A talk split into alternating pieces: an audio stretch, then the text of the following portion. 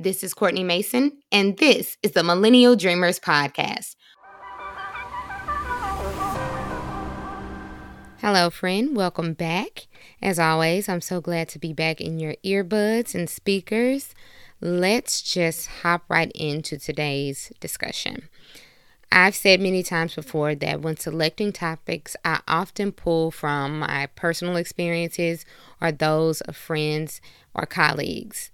This topic is one that I'm personally working on and trying to learn more about for my personal and professional relationships. And these skills are needed when dealing with our coworkers, clients, competitors, and friends, even within our familial and romantic relationships. And I'm talking specifically about conflict resolution skills. As much as we all love to live in a household or work in an organization that's free of disagreements and conflicts, that simply is not likely and it's an unreasonable thought to have. Unfortunately, conflict is a big part of work and life in general. So, knowing that, it's best that we educate ourselves and arm ourselves with the necessary skills to come out of conflicts without damaging our relationships beyond repair. I have quite a few instances where I sat back and reflected on a disagreement, and then I realized that it probably could have been handled so much better on my part and uh, the opposing party will say on their part as well. But if I had the tools to keep a level head, to, you know, remove my ego and just consider the bigger picture, if I had a different thought process, then we could have possibly gotten to a resolution, even if the opposing party didn't have those skills or were strong in those areas. If I had armed myself or been more educated in ways to to work around the conflict, then it likely could have gone in a different direction. So I've read a few articles because again I've thought about this a lot and it's something that I, you know i'm always on a quest for self-improvement. So this is something that i've you know read up on and i came across an article about conflict management and it's was written by i'm gonna hopefully i don't pronounce her name wrong but it's Swetha Amaresan that could possibly be wrong if you hear this my apologies, but the article is entitled 14 Conflict Resolution Skills to Use with Your Team and Your Customers. And this really stood out to me because I think it not only helps with our working relationships, but it also helps with personal relationships. You can use these recommended skills that she's given um, to apply them across the gamut, right? So I wanted to just briefly share the tips and kind of some some of what she said and then just my thoughts on it. But first, what is conflict resolution? It is the process in which two or more parties work towards a solution to a problem or dispute. The issue negatively affects either one party or multiple parties, and it's escalated to the point where it needs to be addressed. So, when we have the proper skills, it can help reduce miscommunication and create more opportunities for the individuals involved to come to a common ground. So, the first tip that she says is don't jump to the defense. Okay. In any conflict, whether it be professional or personal, it's easy to jump to the defense. Your banter might include a series of no's and yes, but statements that show that you're unable to see another perspective. Rather than getting defensive about an attack on your argument, take it as an opportunity to see things from a different point of view. You don't have to agree with the person, but you can try to understand where they're coming from, just as you would want someone to try to understand you. Um, you have your opinion and they have theirs, but you know refusing to hear their point of view will create an almost impossible scenario to navigate. So she recommends instead of you want to change those yes but statements into i understand and. That way you're acknowledging that you understand the person's what their argument is and what they're trying to convey. And then you also have your thoughts and statements that you're saying. Um, so you're not tearing each other down and you're listening um, to what's being going on. So don't jump to the defense, It's the first one. Secondly, she says, don't point fingers. Don't put blame on others or create a space in which someone feels unsafe to voice their opinion. Yes, yes, and yes. She says the best way to solve a conflict is by allowing each person to frame their argument without being blamed or shut down. After all, you wouldn't appreciate the same thing being done to you. I agree with this. You know, when I feel shut down or shut out of a conversation, or if someone is unwilling to hear my thoughts or feelings related to the disagreement, I then shut down as well. And then it becomes an impossible Uh, way to navigate the the dispute and it usually isn't resolved and there's some lingering issues there so try to avoid pointing fingers this is something i know I need to work on. And I know a lot of you listening probably will say the same thing like, yeah, I probably can work on that as well. The third thing, let the person explain themselves and actively listen. Hello, hello, hello. Listening is a huge aspect of conflict resolution that's typically overlooked. She says your goal is often to get your voice in as much as possible so you can explain every detail of your argument and try as hard as you can to get the opposing party to see your side. I know I've done that plenty of times. So I'm like, but say, okay, no, this and da da da da and da da da da. And you know, you want to get all of these because you think they're so important. You're trying to get each detail in. Um, instead of taking a step back. She said, instead, let the other person explain themselves uninterrupted you may find that you misinterpreted their original statement or argument, and you'll be more equipped to handle compromising on a new solution when you've taken time to listen, think, and plan. This is big, right? Biting our tongues is a hard thing to do sometimes, especially when we believe that we're um, valid in our concerns and our thoughts. But doing so will help open our ears and help us to listen, you know, and understand what is being said as opposed to what we're trying to say. The fourth thing, use I statements is the fourth thing. Similar to pointing fingers, statements that begin with you clearly come off as blaming. She says conflict isn't about what the other person is doing wrong, it's about what you believe you're doing right. That's what conflict is. She suggests using I statements such as, I feel like I'm not getting the chance to explain myself, rather than saying, You're not listening to me. You're not paying attention to what I'm saying. You don't see that I'm hurting. You know, using an I statement can totally transform the conversation.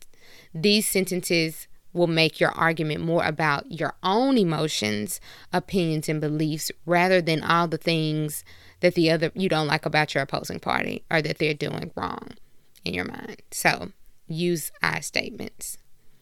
The fifth skill is to maintain a calm tone. She says no effective conflict resolution has ever been born from anger. That's true. You need to remain level headed in order to think rationally about a solution that appeases both parties.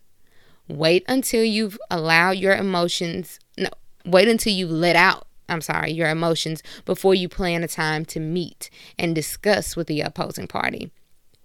You're allowed to yell, cry, vent, or whatever else you need to do, but do it on your own time. I thought that was funny. Those emotions might come out, but it's she's saying that's fine. That's fine. That's reasonable. We're emotional creatures but do that on your own time before you come to the come to the meeting pool you just want to you know make sure that you have a level head and when you enter the conflict resolution meeting you should remain calm and ready to debate with consideration for differing perspectives think about all the things that you wanted to say, some of the stuff that you probably shouldn't say, especially if it's a work meeting. You don't want to go, I don't believe in tears in the office and all that stuff like that. Like if there's been a, a something, a problem that needs to be resolved and you are just so worked up about it, take a step outside, go to the bathroom, go sit in your car, you know, let your emotions out, scream, do whatever you need to do, or if you just want to write write out some things to yourself, do that. But try to, as best as possible, to take some time before saying, I want to discuss this with you so that you can um, be in a better position where people can hear what you're saying. Because if you're just overly emotional, then they think you're irrational.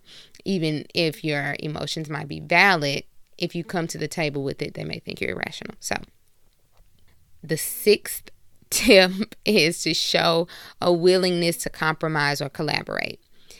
She says in most in most significant conflicts, it's essential to come to some sort of agreement between both parties. Thus, you sometimes need to let go of your pride and your grip on your argument. Show the oppo- opposing party that as much as you care about the conflict and about your side, you care more about coming to a solution that pleases everyone and has the necessary impact. That's a good one. The fourth tip is don't talk behind people's back. This is big. This is big. This is big. Especially, this is especially important with regard to personal friendships and relationships, the conflicts that we have within those personal situations. Don't talk behind people's backs. She said, What happens between you and the opposing party should stay between you and them unless it's absolutely necessary to divulge the details of your conflict. Conflict resolution should always be built on honesty with one another and trust that what was said will remain secret. While you may sometimes have the urge to vent, consider other options to do so that won't affect the reputation of that person. You could write out your feelings in a journal, or talk to someone who has no ties to that person and keep their name anonymous. This way, you can protect the privacy of the conversation. I believe in this 100%. Because if you and a friend are upset at one another, you want to resist the urge to go to another friend and badmouth them, right? Because there might come a time when the person that you went and spoke to, they might get upset with you and then divulge that you blabbed about something else. So you just want to keep that down because it can cause problems later on. Um, I'm big on, I have my notes app within my phone. Anytime that I'm just feeling frustrated about a disagreement or something, I will write out my thoughts and sometimes it never sees the light of day. I don't I don't always send it to the other person or anything like that but I'm able to get my thoughts out of my head because we'll sit around with our thoughts and um, let it just kind of consume us. But once you get all the the frustration or feelings or whatever out of your head and onto paper, you feel much better. At least I do. Um, so definitely consider not talking about the situation behind their back after a dispute. The eighth tip is don't take anything personally. A conflict with a customer or a team member is typically not a conflict with you personally. It involves your professional role or something that occurred to or with you. Thus, a conflict that emerges is never an attack on you. If you can learn to separate yourself from the conflict, it will be a lot easier to accept compromise. The ninth tip is to pay close attention to nonverbal communication. She says, Not everyone is great at handling conflict head on. This is true. These are the people who might typically lean towards avoiding as their conflict management style.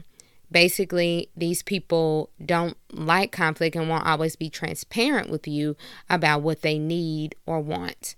So, in these situations, it's important to pay attention to their non-verbal communication. Body language can tell you when someone is saying one thing but means another. By being emotionally aware, you can notice when someone's posture, gestures, or facial expressions differ from their words. For example, if they say, Well, I'm fine, which is something I say all the time, I'm fine, you can tell that they're not fine if they avert their eyes then in that situation you can create an environment that makes that person feel more comfortable being honest with you because you've picked up on their nonverbal cues. The 10th skill is to prioritize resolving the conflict over being right. Hmm, this is a good one.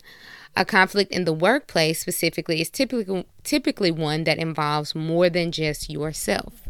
Perhaps it's a frustrating call with an angry customer or an issue with, with a policy change that's being implemented by your manager, but whatever it may be, the situation goes beyond you. She says, thus, when you're trying to resolve the conflict, you might need to take a step back and assess the situation in such a way.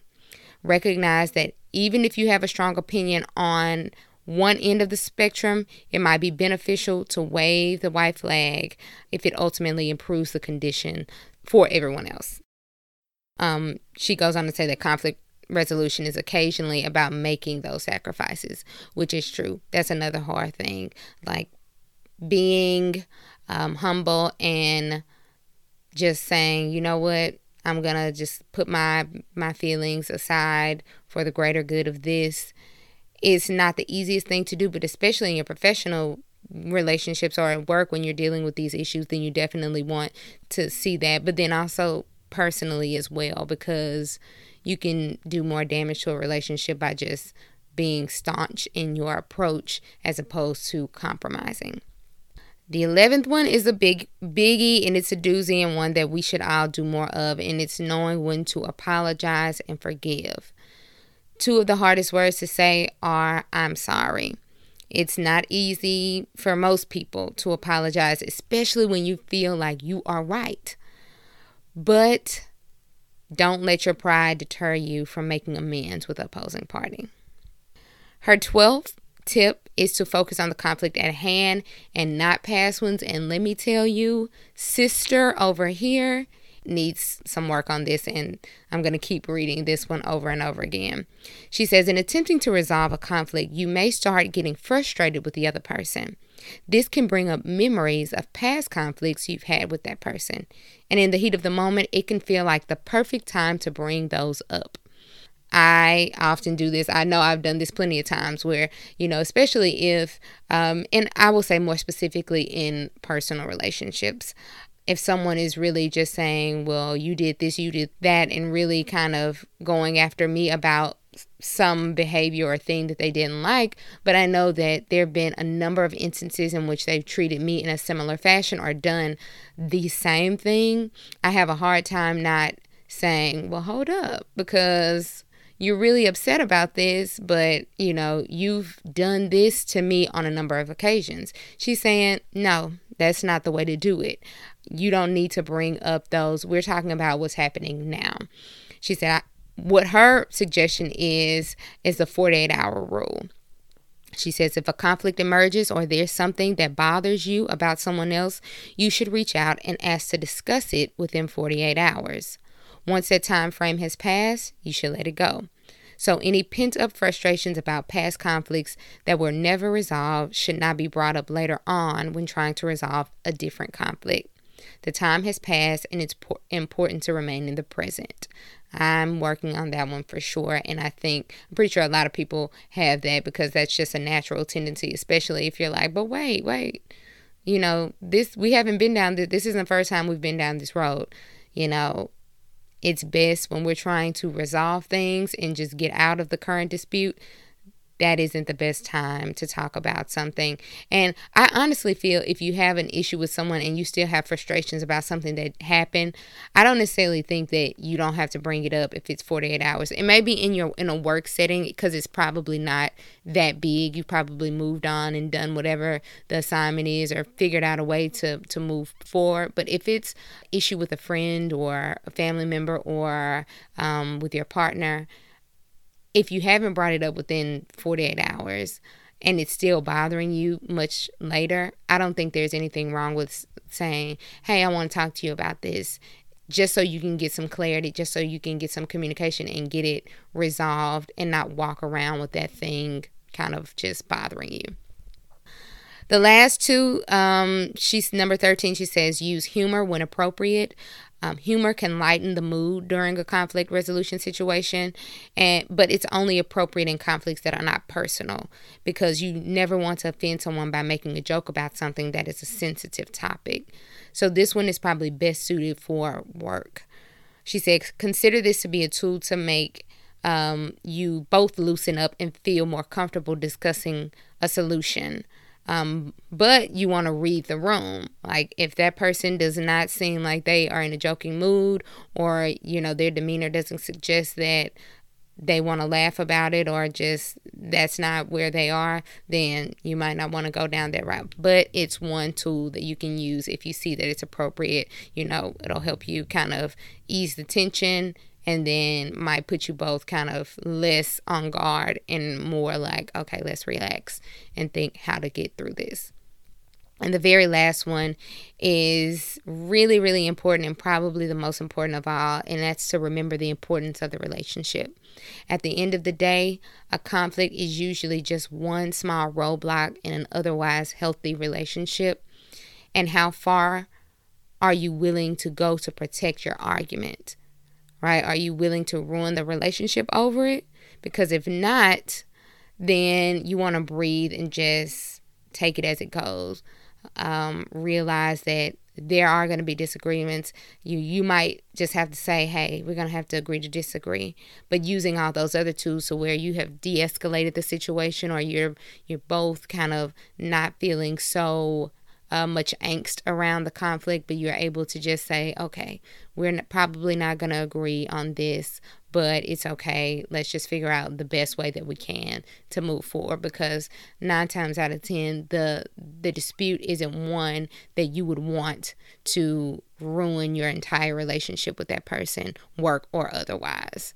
So those are 14 tips. I know this one was a little bit longer, but those are 14 tips that we can all use. I think it's extremely important that we develop better, you know, conflict management styles, conflict resolution skills, because generally, you know, there have been so many instances where, you know, it could have been a, a friendship that was salvaged or relationship that was salvaged if you know i had better communication skills or conflict resolution skills and i'm pretty sure that you can identify that as well so we can arm ourselves be better do better and just flourish in all relationships so I hope you enjoyed this one. I hope it was helpful. And if so, please share it with a friend so that they can get some useful information as well. And until next time. Peace.